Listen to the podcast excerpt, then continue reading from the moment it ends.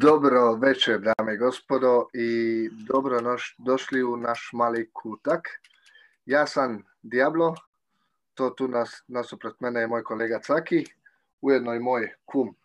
A ovo je e, No Filter sportski podcast sa nama dvojicom. Pa ćemo malo diskutirat, pričat, komentirat, rugat se i tako dalje, šta god nam padne na pamet. Kad možemo, hvala Bogu. Tako je, tako je moj kolega Diablo. Super, ovaj podcast, e, sportski podcast. E, imat ćemo podcast na našem jeziku, hrvatskom jeziku i također isto na norveškom jeziku. E, epizoda danas... Pošto obojica živimo u Norveškoj. Pošto obojica živimo u Norveškoj, ja malo duže i više nego moj kolega. Tako da tako da te biti ovo super, nema šta, jedva, konačno smo počeli, tako da... Ja, ja, ja. ja. E, evo ovako, ja ću za početak odmah, odmah uvost. Pošto je moj, moj kolega Caki iz Bugojna, iako je vezan za BiH reprezentaciju, to su, to su opasne vatre dok oni igraju. Sad, Marina, aj malo mi iskomentiraj ovaj potez Nogometnog saveza BiH o angažmanu i Vajlo Peter. Šta ti misliš o tome, brate, dragi? Šta ću se vam reći da, mislim, nemam ništa protiv Ivajla Peteva. Ima iskustvo, čovjek trenirao Ludogrec za svoje prvenstvo, sad njima dvije godine za redom. Bio je i vodio je bugarsku reprezentaciju, nažalost isto nije imao uspjeh sa Dinamom, one jedne godine gdje je Rijeka poslala prvak.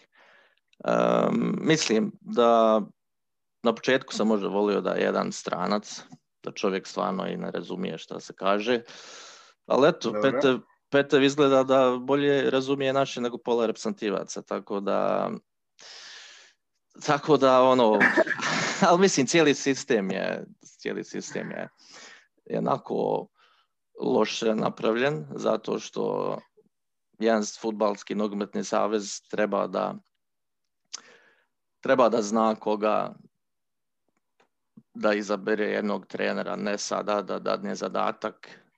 O, Savez je dao zadatak Misimoviću, Zvezdan Misimović i Emić Spajić, da sad oni nađu kandidate ko, ko bi trebao biti selektor. I da, oni, su eksperti, jel Oni su eksperti, znači oni, su, onaj, e, oni su birali, eto, pričali s tim ljudima. PTV je valjda bio mjesec, dva u Sarajevu. Bio malo sa, valjda bio dole isto sa, sa Mamićem dole u Međugorju i nekako Mamić ga je preporučio onaj, uh, Ima potencijala, deško je. Ima. ali, ali ne, ali mislim da do kraja je bilo Sergej Barbares, bivši igrač i legenda reprezentacije i Hamburg Sportsvereina. Uh, ali on uh, nema trenersko iskustvo, iako je napravio trenersko... Ali dobro, ajmo amo sad reći da, da, da dovedeš Karla Angelotti. Hoće li to opet pomoć? Hoće li to, kakav je kadar igrača? Šta tu, je li to samo do selektora? Ne može biti samo do selektora. Ne, ne, ne. To nije do, nije do jednog selektora, ne bi ni, ni Mourinho, ni Angelotti ni, ni pomogli dole tim lopovima koji, koji, koji to... Mislim, to su ljudi koji... Hajduk, ne bi nas gospa spasila. Baš tako, baš tako, ali... Ali eto, ono, Problem je što, što imaš 13 ljudi u, to, u toj komisiji koje treba izabrati selektora. Znači, u Bosni tamo ti mora biti jedan eh, Ante iz, iz eh, na primjer, iz eh, Posušja, morate biti jedan Muhamed iz, iz Ence i morate biti jedan Jovan iz Banja Luke. Znači, i ne, nisu to ljudi koji su bave sa sportom, nego to je samo ono, da imaju posao, politika, ako im, politika e, i ništa drugo. Pa da. I, I eto tako, sad sad treba uzeti ovaj predsjednik sada e, je jedan što je, što je radio u futbalskom klubu Borcu e, koji, koji je nekako na 2016. rekao da, da, da Bosna nije njegova država, da je to Republika Srpska i da ajde borac. I sad, i sad, ti, sad će ti on biti predsjednik e, Saveza, neliko godina, na primjer. I eto, mislim, tu, tu trebaju biti ljudi koji se bave nogometom i koji je... Pa dobro, aj vidi ovo sad. E, znači, od izbornika nećemo ići previše daleko, ali eto, zadnji izbornika tipa Robi Prosinečki, e, Čiro Blažević, Baždarević, pa eto, vrati se i do Safeta Sušića 2014. Odvoji ih na svjetsko prvenstvo. Pa reci ti sam meni, je li to napredak? Je li to izgleda napredak iš na, na, Razumiješ šta ću reći? Razumijem te, slušaj, rezultati ću sve reći. Prije, prije, ove, prije ove kvalifikacije sada, evo ove kvalifikacije za svjetsko prvenstvo, ljudi dole misle, evo sad ćemo mi u trećem mjesecu otići u Finsku, pobijed tu 2-1, dođe nam Francuska četiri dana kasnije u Sarajevo, uzmemo bod, četiri boda. A to ti je ono, to je san. Realiteta ti je, ti ćeš najvjerojatnije, ako imaš malo sreće, uzet ćeš bod u Finskoj, ali ta ista Finska je nadigrala ovu reprezentaciju prošle kvalifikacije, uh gdje je došla ispred njih. Znači, na kraju dana Bosna nije ni mogla pobijediti Armeniju u gostima, iako su pobijedili onaj kod kuće i Finsku i, i, i tako, ali nemat, nije ti to bilo ono ove kvalifikacije realno, slušaj, ove kvalifikacije realno su trebali biti za uigravanje za iduće kvalifikacije. Ne, neš ti, neš ti proći tu protiv Francuske i Ukrajine i Finska. to drugo mjesto, ako imaš sreće, da ćeš u baraž i onda ćeš opet izvući jednu reprezentaciju koju ćeš se naravno ako Portugala. se ali, ali eto i Portugal, evo sad i prošli put bilo kad se nisu ni se kvalificirali, nego su dobili taj baraž preko te Nations League i jednu sjevernu Irsku nisu mogli pobijeti sred Sarajeva. To znači sad sve govori, ali e. opet ima mlađi igrača. Ali ima tu igrača, ima tu igrača za, za, za, za mnoga im poljubiti kakvi tu igrača ima to nema discipline, to nema plana, to je sve nešto navrat na nos odrađeno. Ko to sastavi, iskombinira, pitaj ti majku mi. Pa nije pa. Imaš Pjanića, imaš Čeku, imaš ovoga vraga što igra u Laciju već dugo. E, obrambene igrače, ajde možda malo, malo slabije, ali imaš e, fantastičnog golmana, pa imaš ti to ljudi s kojima ti radiš, još staviš tri, četiri mlada momka koji će se truditi, boriti ono krvnički ovi malo na iskustvo potpomognu i već imaš ekipu koja može igrati fino prvenstvo. Ali dobro, Kristijan, ali sad je to već da se vratim samo na onaj što se rekao za Safeta Sušića ono odveo reprezentaciju na svjetsko prvenstvo. Ti igrači su bili u najboljim godinama onda. Osim Ajbu Pjančo, on je još bio mlađi, on je sada u najboljim godinama, imamo 30 godina. Ali Džeko, na primjer, Lulić, Misimović isto, Spakić je bio, još bio tu, Begović isto bio. Imali su onda Beka у Мојджи, кој сада не могу најд замену за него, Колашинац е био онда проспект, био јако добар у Шалке. Сад да. ето, вратио се у Шалке и опет некако А добро, али имаш сад Дедина Вишчо, например, кој га тад не си имал.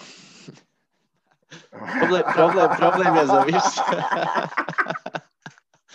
проблем е за Вишчо, што on fantastično igra. Ne zna šutnut loptu. što Višća fantastično igra u Turskoj. Od jednih ja, boljih igrača je, Turske je, lige. Je, stvarno fantastičan. Ali za reprezentaciju, za reprezentaciju uh, ne sjećam se. Pa to je, je ono što nikome nije jasno. To nikome nije jasno. Kako taj dečko doli ono najbolji igrač lige bude, a, a, a dođe ovamo ne znam.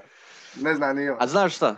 Lulić, Lulić je rekao dobro prije par godina onom je slovenskom golmanu iz Intera Samer Handanovićem. Kamera je ufatila onaj pri, kaže Lulić Andanoviću, kako je ono kod vas u Sloveniji, ono, dođete na pripreme, ono, malo najede se ćevapa, baklava tamo vama s familijom. Kod ova, Andanović ga gleda, ne. Lulić ga ono, jeb ga, tako je kod nas. I to samo govori, nemaš ti, nemaš ti pa kult, znači... Pa kad smo gledali Bosnu, bili skinje igrala, pa i Čupo igrao s nama, gledao s nami. Se sjećaš? Pa kako pa je bio sad ovaj Begović, Begović na golu i neka lopta tu negdje, možda 12 metara. I trči Begović i vidiš da ovaj napadač brži da će prije. A ovaj viće, jes to ručo, majko ti, meni je to ručo. ja sam zaplakao. Ali stiga je Begović u zadnji trener, stiga loptu izbio pičku. Baš tako, baš tako je. Ali onda je bila... Oni se natere, ti će vapa, ti poreka, to mater spremi, kako kome ko. Joj, stari, pa... On se dođu odmorit, on se dođu odmorit iz Onda igra u Luksemburgu, oni bi dobili 50% utakmica više. Da igraju domaći u Luksemburgu. Ali eto, ima ono, za ove kvalifikacije, sa Petava on je nekako, šta bi ti rekao, on je ko, on je nekako izgubio prije nego što je počeo. Navijači su ono ljuti, nisu možda ljuti na njega, ali na savez i A ljuti su na savez, kuži, što ti kao u Hrvatskoj savezu, kogod dođe, oni će možda dok, dok je rezultata, kad pogledaj kao su Dalića. Dalića su svi volili dok su bili rezultati dobri. Ja. A jesu li oni malo zakaskali odmah, ne valja ni Dalić, ne valja niko. Modrić, svi su to katastrofa. Što Baš tako. A to je normalna stvar, to, to, to, kad te na, to je taj naš mentalitet. Mi smo svi izbornici u glavi, šta ti... Znaš šta, navijači su baš želeli Barbareza. On je, kako ti rekao, prije jedno... A gdje je Barbarez sad? Barbarez, Barbarez nema kluba. On, on ovako, le, le, ono, on je u Mostaru, malo u Njemačku, on je inače iz Mostara. Uh-huh. I i on je bio kapiten reprezentacije ono, od možda početkom 2000 do 2007. 2008. Ono, rat je malo zajebao stvar, pa ono kasnije onaj zaigrao za reprezentaciju. Ali ono što ga navijači cijenu je pogotovo zato što je uvijek imao vremena za navijače i ono najgore što je bilo kad se desilo kada je igrala to je bilo kvalifikacije za svjetsko prvenstvo 2006. igrala je Srbija i Crna Gora protiv Bosne i Hercegovine na Markani. I desilo se, znači, ono što je, što je se desilo, napali su srpski navijači, bosanski navijače, i to je Barbares ono, vidio sve i tijelo je nekako ono, da zaustavi utakmicu i zaustavio nekako utakmicu da se to nekako ono, da se izvuče ono, žive glave. I, i, i dosta je on utjecaju tako navijačima zbog toga da, da ga oni vole i cijene, iako nema to iskustvo, ali eto vidiš, jedan Andrej Ševčenko je odmah počeo trenirati Ukrajinu. Nije imao da. Neko veće iskustvo. Tako je, ali to je ako si motivator, ako znaš motivirati, to je dosta dovoljno u početku. A to, to treba, to, to je baš možda trebalo Tebi u biti, šta je, e, nećeš, ti, nećeš ti Pjanića, Džeku i takve igrače, pa ne moraš ti njega učiti kako će loptu dodati. Ne moraš ti njega učiti e, kako pas dodati, pa to on treba znati već, jel tako? Tako je. Ti njega motiviraš dok je doli, dok ne znaš, znaš dok su izgubljeni, posložiti ih, e, pribrati i tako dalje. Tu, mm. tu se pravi eksperti poznaje. Neš ti, znaš ti Pjanića uči kako piplat loptu, pa znam to od kad ima šest godina, zna to. Baš tako, baš tako. To... Da ne zna, ne bio tu, ugla, ukratko. Ukratko, baš tako. Ali dobro, ajde, vidit ćemo, vidit ćemo. Ima nade za Peteva, ima nade. E, ima nade, sve, sve ima, do tu, Ima tu i potencijala, ima tu i dobrih igrača, ima tu mladih dobrih igrača. Samo i treba malo neko pa ima, ima, ima. to bi stvarno trebala biti jedna dobra ekipa. Ja, ko prati malo, na primjer, Bundesligu i Freiburg, e, Demerović, Demerović, ja mislim čo mali zove napadač Freiburga. Nije dao gol sada kad smo bijeli Dortmund. Dobili su Borussiju, da ali Mali je zabio zadnji 5-6 utakmica za Freiburg. A ima 21 dvije godine tu, tu negdje. Tako, ima priča se što mlađi što su po Dinamo bili, ovaj Hođi, ili? Je, on, Hođić, je isto, on je isto dobar kužišni. To, to su igrači koji su potencijalno Pa ima, ima jedan 18-19 godišnjak iz eh, Bešiktasa, Aydin Hasić. Ja, Zapamti to ja, ime. ja. On je bio onaj u Dinamovoj školi, bio je po sudu tamo sa, sa Mamićem i tamo vamo i nije nikad ono odigrao ni jednu zvančnu utakmicu, ali mali Aydin izgleda Hasić. Evo, zapisali smo to ime, neću ga pamtit. Ja. Tako je. Vidit ćemo, ništa, treba se tu, treba se tu samo nada, bit će to dobro, bit će to dobro na kraju. kraju. Mm, Ako nije dobro, onda nije kraj. Tako je. Ništa, hoćemo li mi malo vidjeti e, današnja događanja? Današnji je dan bio, u- bilo je dobrih utakmica. Liverpool, Manchester City, 1-4. Mm. Pa- Ne znam šta da ti kažem, mislim, gledaš odbranu, sredine odbrane Liverpoola kad igra Fabinho i Henderson, svaka im čast, igrali su prijašnje utakmice jako dobro i nisu Dobro. primali golove, i- ali ne možeš, ne možeš ono stvarno pobijediti, a City je ono koliko sad 5-6 utakmica za redom pobijedili, ako ne i više, imaju tu širinu, ali vidiš su? ne, De Bruyne, Pet bodova su ispred Uniteda sa, sa, sa utakmicom manje. Znači, Ja. potencijalnih osam bodova prednosti. i 10 Šta protiv dvi- Liverpoola. A protiv Liverpoola su na, na sedam sada. Ne, protiv Ne, Leicester, na deset su, na deset Tako su je. razlike s Liverpoolom s utakmicom manje. To je, po meni više E. manje riješena liga. Tako, je, je. Ako se baš nešto ne dogodi. Jer ovi igraju, ovi igraju.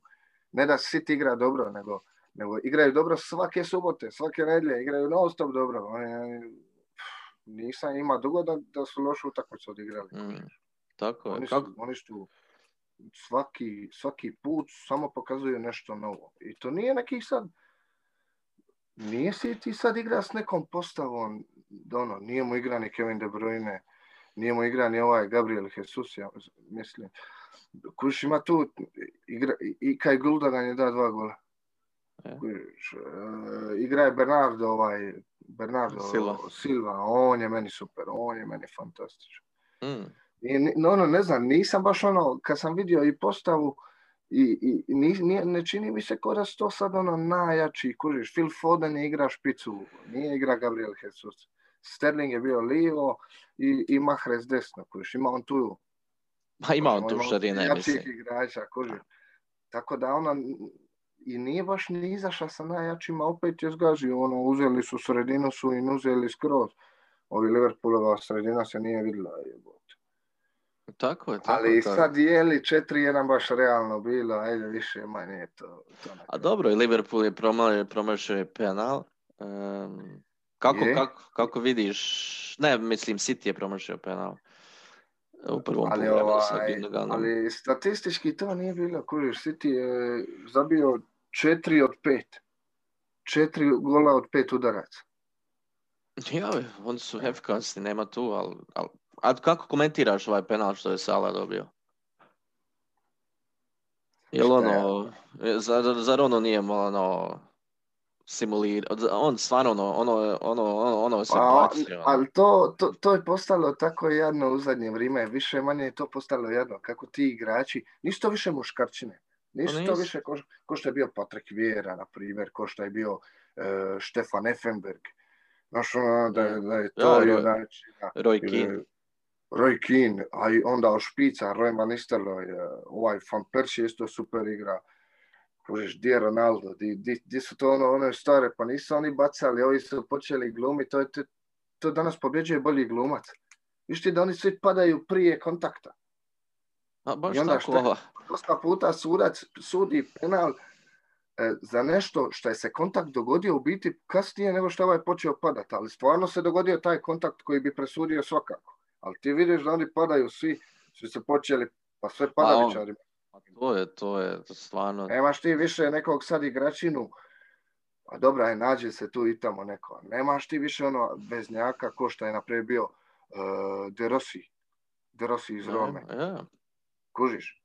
Evo, Marko, Marko Verratti, ono, ajde, iako on nije toliko agresivan, ali bar je onako ono stabilan, nije oni neki, nije padavičar. Ali kad Da, ti da. vidiš ovo, naprijed pogledaj u u Unitedu ove, pa daje loptu bilo kojemu i dođi na metar od njega trzni ovako glavom, oni svi padaju čovječe Bože, oni Da. padaju svi, to je katastrofalno što su oni počeli. A mislim, ajde, i suci nasidaju na to, ali nije ono, malo ste gubi taj žar, gubi se. Glupo ti i gledat kako dosta glumata nešto, ne znam, padne, faulira ga, on se drži za tu nogu pola sata, ko da je kriza, otkinit će. I onda sudac da ovome žuti i on se ustao jedanput sve u redu, zateže čarapu. Kužiš. Još ga sudac potapša po ramenu kad je si dobro. Pa mrš, jebem ti materi tebi i njemu. Kužiš. Nema više one muške igre, one, one žestoke igre. Rijetko ko, rijetko ko. Ima tu još nekih, hajde, ali sve je to pri kraju. Tako je baš ono, da, da su ovi igrali, što, ovi, što si ti sad rekao za Patrick Vieira, Roy Keane, Effenberg, Joj, ti- ti ljudi bi svoje igrače istukli na treningu. Da tako rade. Da- da- sve do jednog. Sve do jednog. Roy Keane bi nekome slomio nogu. Ko, pa Roy Kim bi otišao i prvu onu, onu palicu bi uzeo i gađa bi ga s njom. Pa, on bi To ubio, s- zašto, pa zašto on ne može biti trener? Zato jer pola momčadi fali nakon prvog treninga. Šta Pa pošalje kući, šta, šta po, ponamlati. Mislim, do duše, zaslužen to kuži. Ja, ja, ja. Ovo to, to je postaje danas balet. Balet igraju. Prije nogometaš, pa sjećaš, se, sjećaš ti listove kad vidiš na, nogo, na nozi nogometaša. Pa to su bili oni široki listovi ko lopta bog te. A danas sve neki manekeni, sve neki štrkljavi, nikakvi. Kužiš? A, Danas je, danas je, ne znam, prije je bilo vjerojatno ko će biti jači, snažniji. Danas se natječu ko će biti e, bliže anoreksiji. Sve mršavci, kužiš, nema, nema ono, ono momčine prave da stane, da to udre, razbije, namlati koga tuzo. Kužiš, da ti imaš jednoga u momčadi šta je zapošljen, to radiš, šta napravi 25 faula po utakmici. Danas napraviš četiri faula, on ti daje drugi žuti. Ja. Aj, brate, dragi, pa pusti nas da se igramo, šta ti je?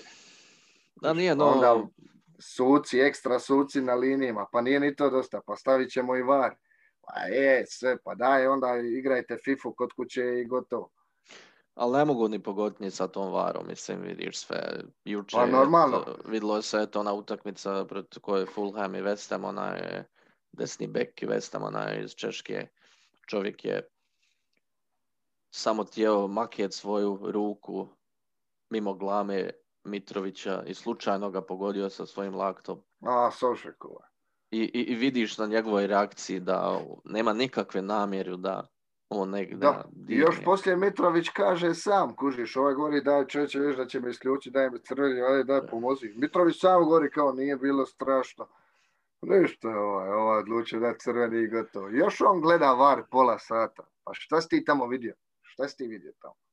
Pa mislim, to, taj VAR uopće neka, taj VAR bi trebao pomoći sudijama da, da, da ovako ako misle da je crveni karton, da mogu ot- otići vidjeti i baš vidi onaj, uh, ova nema nikakve namjere, zato razumijem ja ako se ono desi se brzo onaj, brz je nogomet i da stvari se desi, ali kad imaš VAR, Da, da, ali još Onda imaš replay. replay imaš, imaš replay deset puta možeš vidjeti ono, Ti si sam sudac, evo, za gledatelje koji ne znaju, Marino je sudac. tako je. E, I znaš i sam ono, ajde, dogodi se greške, razumiješ? Ali onda ti još odeš na televiziju tamo i vraćaš 25 puta onih 10 sekundi i vidiš kad je čovjek ono išao samo prebacio ruku koju je išao se okrenut, malo ga je taka ovaj se bacio ko da ga je baba tavon po, po čelenki udrla. Razvalio se po nam podu i kur- joj, Je. crveni vadi bez... O, I još vidiš reakciju ovoga, kako pogledaš baš replay, pa pogledaj onu sekundarnu reakciju ovoga Součeka dok to napravi. Pa čovjek ostane iznenađen, nije nisam skužio da ovo me glava tu kužiš. Ja. I sudac to sve vidi na replayu 15 puta i opet vadi crveni karton čovjeku. Pa di si gledao? Pa di si gledao? Stvarno ne, ne možeš ono, sa malo Možda mozga ne ono, testiraju oči prije nego što posao dobije. Pa je oči i mozak, očigledno, neš, neš, neš, nešto im fali. Stvarno, ono, ono, ono bi vidjela i moja prababa, mislim. Kladio mu se mali na crveni karton, a ono vidi ovaj gusto postalo, moram ga vaditi. A što najgore, taj isti sudija će sudit idući tjedan, možda derbi neki, ne, ono, i opet će... Za, zato, zato za ovu utakmicu taj sudija bi trebao dobiti kaznu, suditi u drugoj, trećoj ligi i sve te pare što on zaradio za tu utakmicu treba mu pola oduzeti ako ne cijelo. I donirati. I donirati. Donirati. Nek donira onome svom klubu. Pa nisu to više zajebancije, to su ozbiljne stvari. Pa ne možeš ti, naš ti koliko ka igra, na primjer, Arsenal Tottenham. Londonski derbi, oni su ono zakleti. I sad, pa znaš ti koliko je tu navijača u pitanju? Pa tu 14. dobije srčani slom kad se svira penal. Razumiješ? To imaš ti, imaš ti tu posljedica opasnih. Ne možeš ti zajebati utakmicu tak tako. Da, krivo sam sudio. Pa pusti to meni, ti da dobio moždani zbog tebe. Razumiješ? Takve stvari, možeš ti tu ozbiljni stvari, to su ljudi, ljudi su tu zapeti za tim nogometom. Ne može to... Ja što, posljedica se odnose na sve nas. Vidi mene, vidi mene, pa ja ne mogu sebi doći zadnjih dana. Real katastrofa, Hajduk još gore. Šta, za koga da ja navijam? Čekat će još, Hajduka čeka 15 godina, Reala još mora čekati 5 godina da, da, da to nešto bude. A šta ćeš? Rugat ćemo s ostalima. Pa dobro, tamo kad budeš dobije unčad, ono Hajduk će valjda osvojiti jedno prvenstvo. Pa mrš tamo, čubre jedno. A, majko, ja, znaš šta, neko, neko ko je malo skeptiči, ja sam još, ja sam optimističan, ali neko ko je skeptični još bi ti rekao, e, da Bog da ti se riči pozlatile, jer moguće da ne osvoje tva moga vika. Niko ti ne garantira da za života će ti Hajduk osvojiti naslov. To nije. Biće tu svega još. Sad je tu počelo se raditi. Počelo se pa raditi. počelo se raditi. Eto, kako si zadovoljan sa novim trenerom Talijanom? A, talijan ko talijan, e, ono, znaš šta, Talijani su opće poznati dobri treneri, ali sad ne svi Talijani, jel? tako da ne možemo, ne možemo tu ništa znat, trebamo dati vremena. Čovjek moguće, on nije vodio neke velike momčadi, kužiš, on nije nešto sad e, posebno, ali, ali moguće da ima, moguće da ima e, štiha. Ja bih rekao protiv Dinama, iako su izgubili, ajde, 3-1, ali e, meni to nije bila loša igra. Mislim, ajde, bilo je loše sa Dinamove strane, Dinamo baš nije bio na svome nivou. Ali nismo ne mi bili loši. Meni Hajduk ono nekako, ko da je malo, malo se vidio neki, e, ne, ne može se vidi napredak, ovaj je bio trener tjedan dana samo, ali, ali vidjelo se ono nešto da, da je moguće da se budi nešto. Da je tu ti igrači, to, to, to, to, to nema vatre u sebi, to nema ambicije u sebi, to nema... To, kao bi te rekao, igrači Hajduka igraju sa srcem. Oni, oni svi su dosta igrali sa srcem. To, to viš da se to dokosti e, se kida za, za bod, za, za, za gol. To je nekako sve nestalo. Nestalo. Navijača ima. Navijača ima, vrate, nebrojivo. Ti to nemaš nabrojati. Imaš podrške, imaš e, šta ja znam, ima tu svega, to je ogromna tradicija. Nema igrača. Sad, Ali ima mlađi igrača. Ima mlađi igrača koji dolaze. Mislim, juniori su ono, nekako... Šta bi ti, šta bi ti, šta bi ti tu sad... E, uvijek je bilo mlađih igrača. Jer Hajduk je kupio ljude e, i dicu, mlade. Pa to je čovječe od Rijeke pa sve dole do Dubrovnika. Znaš ti koje je to područje? Koliko tu talenata nogometnih?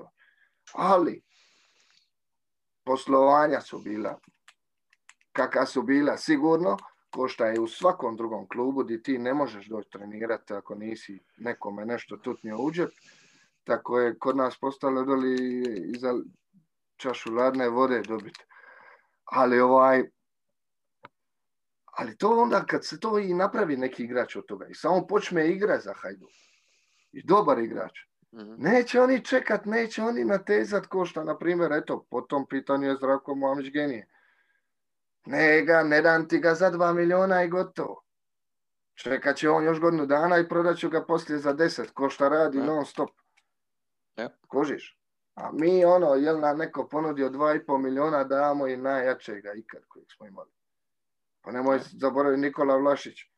Ja. Čovječe Boži, nije na njemu neka lova sa zaražena koliko je dečko već do sada da CSKA, a Ja. nije A da on koliko je? ima godinu. Znaš li transfera koliko je Everton platio Hajduku za njega? Za Nikolu. Ja. Pa ne znam točno, to će, sigurno ćemo doći do toga kroz koju minutu, ali ovaj, ali uh, mislim da je to bilo nešto veliko, kao kad je bila prodaja Manđe, Modrića, Čurluke, Lovrena i tako dalje, mi bi već znali za tu cifru.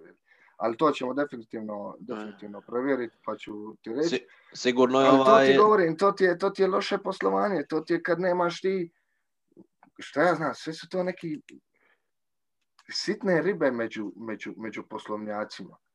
To su neki koji, koji na primjer, će radije od 2 miliona uzeti sebi 30.000 eura i proda ga za 2 miliona i on njemu je 30.000 eura dovoljno. O, meni je 30 dovoljno, ovaj hoće 2 miliona sebi. Treba njega proda za 10 za uzeti 2 sebi. Hmm.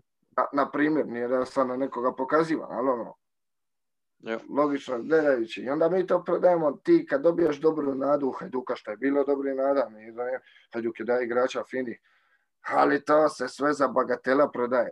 I onda sad, evo sad pogledaš do prije koju godinu šta napravi Benfica.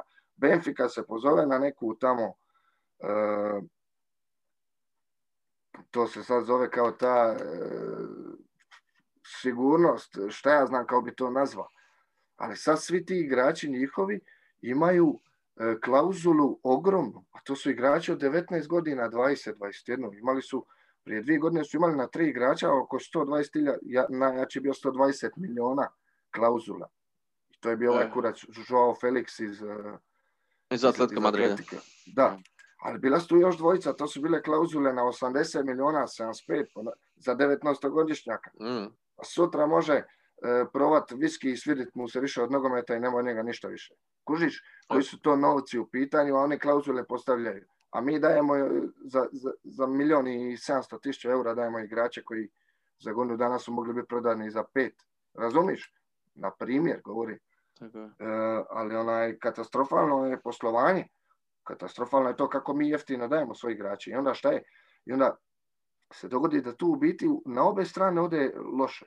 Jer taj igrač nije bio spreman napustiti klub, jer nemoj ti zaboraviti da ako igrač e, iz Hrvatske ode prerano iz kluba, tipa 15-16 godina, ovi si dio otiša, to se treba čeličiti, to treba ono što sam rekao, treba se čeličiti, ko što je naprijed, koliko se Mateo Kovačić čeličio u Dinamu. Odgađali svaku godinu i onda ga dali Interu tek na kraju, jel tako? Bila je to ponuda za Matea, nego Čelići se tu ostani još očvrsti tu u našim ligama na oranicama, tu se kosti lome. Ja. I onda, normalno, mi to ne radimo, nećemo ga čeličiti, ne damo mu ni, ni, ni ponudu zašto igrači nam neće da ostanu. I onda on ode u tipa Gent za 2 miliona eura ili šta ja znam, za milijon i po eura u Gent prodamo igrača koji se moga za dvije godine prodati za 5-6 miliona eura. Na primjer, kužiš? Mm. Ono, poslovanja su nam katastrofalna, poslovanja nas ubijaju. To je bilo Tako stvarno, pa pogledaj ti, pa Pašalić, e, Vlašić e, i, i Radošević, u- ono, i, i ovaj Vukušić je mogao biti možda još i jači. Pa gdje je Drago Gabrić, pa gdje je tu bilo mladih igrača koji su mlado odlazili. Šta ja znam, neko bi rekao i Mio Caktaš, sad kako kome, ali bilo ima tu mladih igrača i onaj Vlašić isto, dio on je, bote, živo, dio on nesta. Kužiš? To jednostavno jednostavno prerano puštamo svoje igrače. Pa koliko Nikola Vlašić već nije u Hajduku, čovjek ima tek 23 godine. Koliko Ja. ove sezona igra u, u, CSKA. I to dobro Nikola igra. Vlašić je prodan, evo, za 15 miliona je prodan u, u, u Everton. Provjerena informacija. Ukupni 15. transfer. 15,7 miliona Milijuna šta? Kuna ili? eura. Euro? Ok. Ja, to je super cifra. Ja. I onda ga je Everton proda ne, pardon, pardon, krivo sam, krivo sam rekao. Za 7 miliona ga je Hajduk proda Everton. Ok. Je Everton proda CSKA za 15,7. Kužiš? Mhm. nakon dvije, nakon dvije godine. Znači u Je. dvije godine su oni, oni uduplali lovu na njemu. Kužiš. Zaradili još 7 miliona na njemu. A još i ne igra. Ja. Kužiš. A kod nas je on otišao, zamisli da se Nikola Vlašća ostavio još, još godinu dana u Hajduka. Ja. Mogla se traži za njega love i love. Ma mislim, Baš tako. ali opet, šta je na kraju, šta je žalosno i šta je jako žalosno, šta na kraju ta lova bi završila samo, samo bi više love za- završilo u, u, u nečijem džepu privatno. Mm. Ne, ne bi završilo u, u klubskoj kasi, gdje bi se trebalo uložiti, gdje bi se trebalo, kužiš, znaš ti šta je jedan klub u Hrvatskoj napravi sa 7-8 milijuna eura. Pa. Joj, stari moj. To su ono, ali dobro, nadat ćemo se da će Hajduk Da. doći doć na svoje sritno Sritno. Talijanu i neka, neka, ovaj, neka proba tu šta god to posložiti, jer to je Tako je. rasulo trenutno. To je rasulo. Ja i ti Je. znamo Žiradija dok je igrao u Stromsguciju. Ja.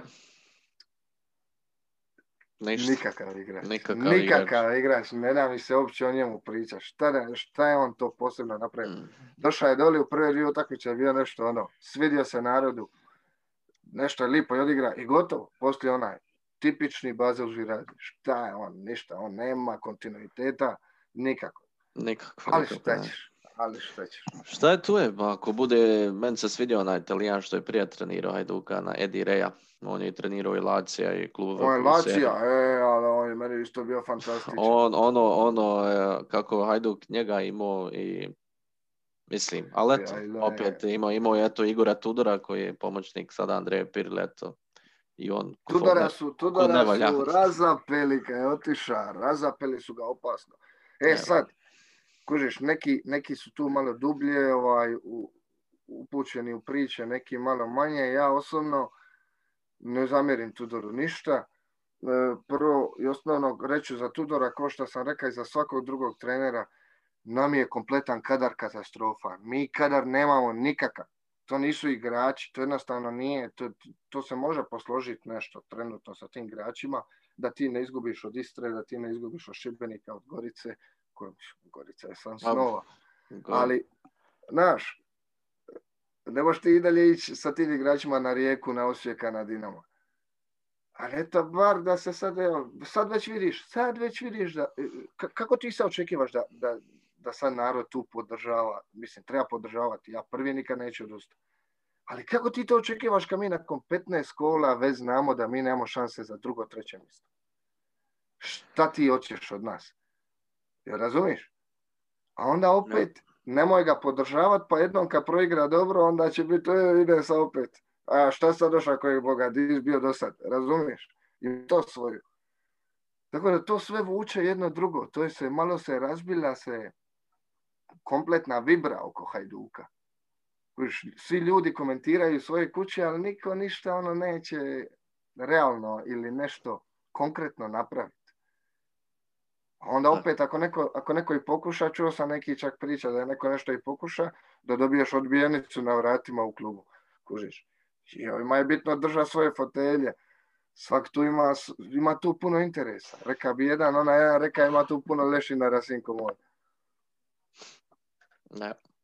E, tako da vidit ćemo, nadat ćemo se, a šta ja znam, ovi koliko su ljudi, ne znam koliko, koliko ti poznaješ osobno i mentalitet u Splitu, ma zapalit će oni sve do kraja biti Grega ponovo ako treba, nema tu, ne diraš tu Hajduka i gotovo, tu se ne može, Pa kad, tad će, kad, će, kad će tu neko reagirati, kužiš, to je prevelika tradicija i prevelika svetinja da bi se tu, da bi tu neko pravio cirkus od kluba. Ma ja, to je prevelik klub, e, ono, navijače ima po cijelom svijetu i cijeloj Hrvatskoj, tako da, ono, Tako je. Nema tu straha, samo što je malo strah, hoće li to biti za moga vika? Kužiš, hoće li ja to doživi, sinko, ona. A, a mislim, doživio si kad, ono, kad si bio punoljetan, kad si zadnji put pobijedili prvenstvo, mislim, taman, taman bio, još, bio, bio sam te dvije godine zadnje, sam bio na zadnjoj utakmici. Jednom smo išli sa, sa postiranima, tada smo igrali kada dica za postiran. I onda je ovaj, e, ćemo kao ići na zadnju utakmicu sa Zagrebom je igra Hajduk. I onda smo išli na tu utakmicu. To je nam je bio show, to je nam je bio doživljaj. To je nam bio biti prvi put da sam vidio da sam vidio uživo proslavu ovaj, Hajduka naslovio, naslova i tako te stvari. Ali ovaj, to nikad ne zaboraviti. Tad nas je klub vodio na utakmicu, to je bilo nešto fenomenalno. Jer sad ti možeš misliti koliko je to veliko doli kad Hajduk igra zadnju utakmicu sezone, igra za naslov prvaka. Ako pobjedi osvaja.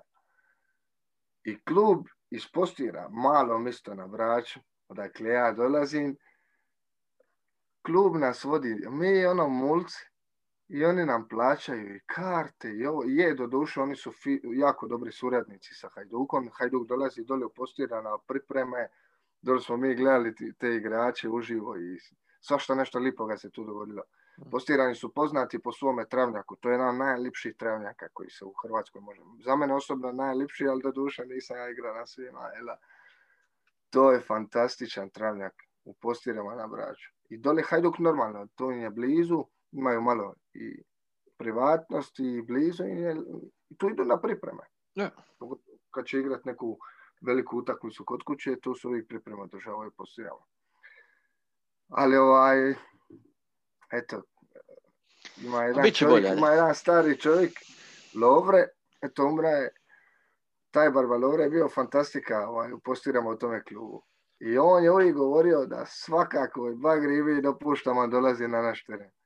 On, ja mislim da bi čovjek sve ih istira vanka kad bi on vidio kako oni igraju u prvenstvu, a da su došli tako trenira Taj dlake na jeziku nije imao. Bi no, sve iz riba. Sinko, dođi vama da ti ništo kaje. E, ti pasa jarca, nećeš igrat. Razumiješ? To su bile, to, to su bile motivacije. Ono, motiviran si da ne dobiješ dvije za uši. Eto kako ćeš dobro igrati.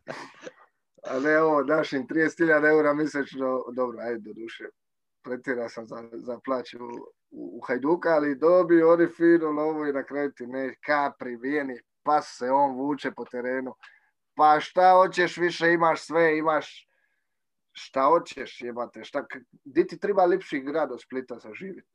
Šta ti treba lipši grad od toga? Pa daj, nemoj me zajebavati, tu si na moru, lipa je klima, lipe su žene, dobar je narod grad je fantastičan. Šta hoćeš ti koji jedan nogometaš više?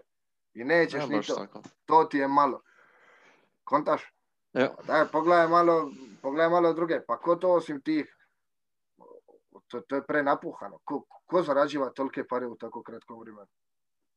Niko. Baš tako. Baš tako. Cilj ti je u životu bio uh, biti doktor, odvjetnik, nešto ono gdje su dobre plaće. Ovo ne zarađuju 10% što zarađuju nogometaši, košarkaši mm. i tako da dobro košarkaši do duše ne svagdje, ali ono, Tako znamo je. svi, NBA i američki nogomet najplaćeniji sportaši. Je, je. Iza, ta, iza Tiger Woodsa. Woodsa, je. Samo da Razumiješ, imaš sve, imaš sve i tebi dalje, ti si dalje ka pribijeni pas po terenu. Šta onda hoćeš? Onda stvarno treba nogu u guzicu i biži će odakle si došao. I tamo se samo ti pizdati Tako Baš se ne igra za Hajduk. Ali eto, e, onaj, htio sam te nešto pitati. ovaj, ko je igrao za Hajduk i koji je bio jako dobar u Hajduku i voljen od svakoga iz Hajduka je Sjedan Ibrić. Možeš li šta o njemu reći? O Senijadu Ibričić. Tako je. Joj, pa šta o njemu reći što već nije rečeno? To je bio miljenik publike, to je bio miljenik igrača. Znaš, ono kad dođeš, kad dođe čovjek, ajmo reći ko jedan stranac, a, a, a već sljedeću godinu je veći domaći nego pola njih u gradu. Razumiješ?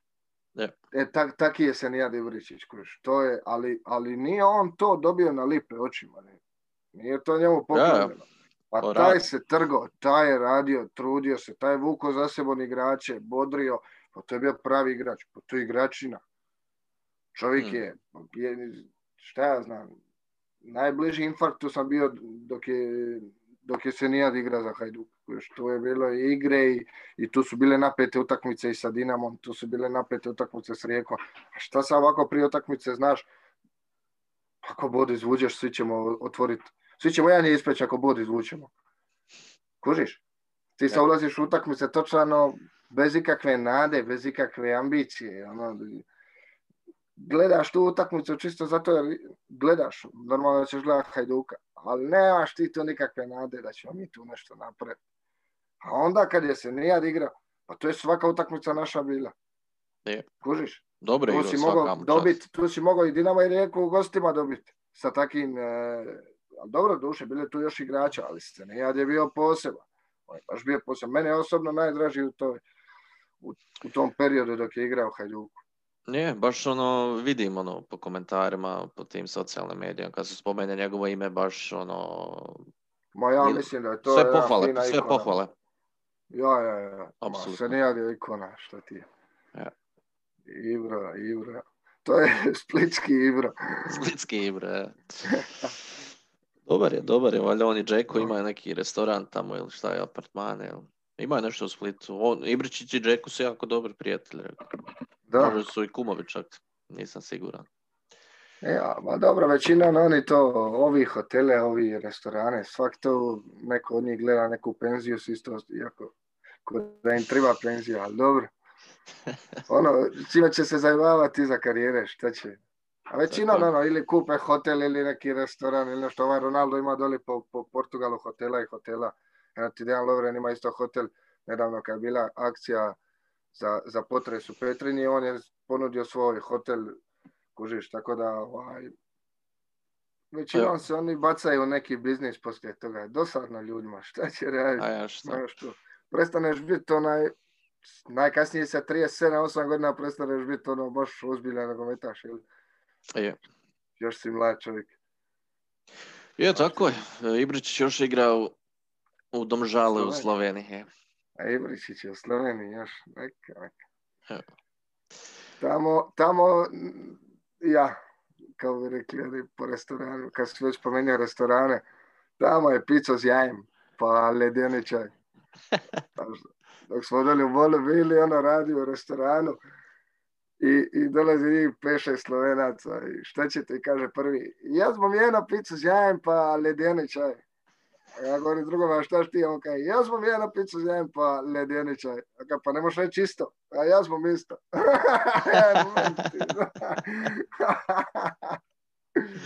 a, je, bit će to dobro. Ne, Ibro, Ibro je, Ibro je stvarno voljen u Splitu i ja mislim da ljudi svi dalje raduju kada se u Splitu. I puno je da za Hajduka i e, jedan, jedno jako, jako, e, kao bi to rekao, pozitivno, pozitivno e, biće ko, sam po sebi, koliko ono vidiš i po komentarima, vidiš i po reakcijama ljudi. On je ovdje mi u bolu, na primjer, ono ja znam po, po reakcijama ljudi u bolu su ono Senija Dibričić, eno ga je opet zabi, eno opet zabi, znaš. Mm. Se, Senija je bio fantastičan. Sad uvijek ti imaš ono, uvijek ti imaš negdje i kontra mišljenja i sigurno, sigurno ima ljudi što ga nisu volili, iako ja osobno ne vjerujem da iti jedan haj, haj, navijač Hajduka je, nije volio Senijada. Da je samo pozitivno napravio u tom klubu. Kužiš. Ja šta ali ništa, nadat ćemo se i tu ko što se nadamo za Bosnu, nadat ćemo se za Hajduka. Jebote Dinamo, idemo dalje. Tako je. Ništa, ovaj, kao, što, kao što smo danas na početku emisije eh, najavili ja i Marido, eh, ili ti ga ja i Caki, eh, emisije ćemo, uvijek ćemo vam se javljati iza nekih vikendskih događanja i naravno tokom tjedna će biti Liga prvaka kupu EFA, tako da se javimo odmah iza toga. Da. Budite s nama i u sljedećoj epizodi. Bila nam je čast predstaviti naš e, sportski podcast i nadamo se da ćete nas pratiti i dalje. Tako A je, tebi da. kumašine, laku noć, drži mi se i, i, i E, Tako je, samo... Sljedeći put ćemo ti dati koju, koju, koju, koju rič za Dinamo, da nećemo odmah da me iznerviraš. Dobro, nek prođe jedno par epizoda, pa ono... Dok se smiriš. Pa ja. Ništa, ona... Htio bi nešto samo pred kraj reći prije nego što svi odemo na spavanje, da Um, pratite nas na naš Instagram profil koji će doći ovih dana tu možete i pitat nas neke pitanja ako imate neke želje. E, Naravno, javit se, javit se i... ono s nama druge stvari. Mi, svi su dobrodošli. Svi su dobrodošli i mislim ovo je samo naš, naše mišljenje i imamo isto plan da, da nam neki gosti isto budu sa nama i, i mislim... Biće tu finih lica. Apsolutno, apsolutno. Tako da... Ja. Bilo nam je drago i ugodna vam večer. Ugodna večer. Živjeli. Prijatno.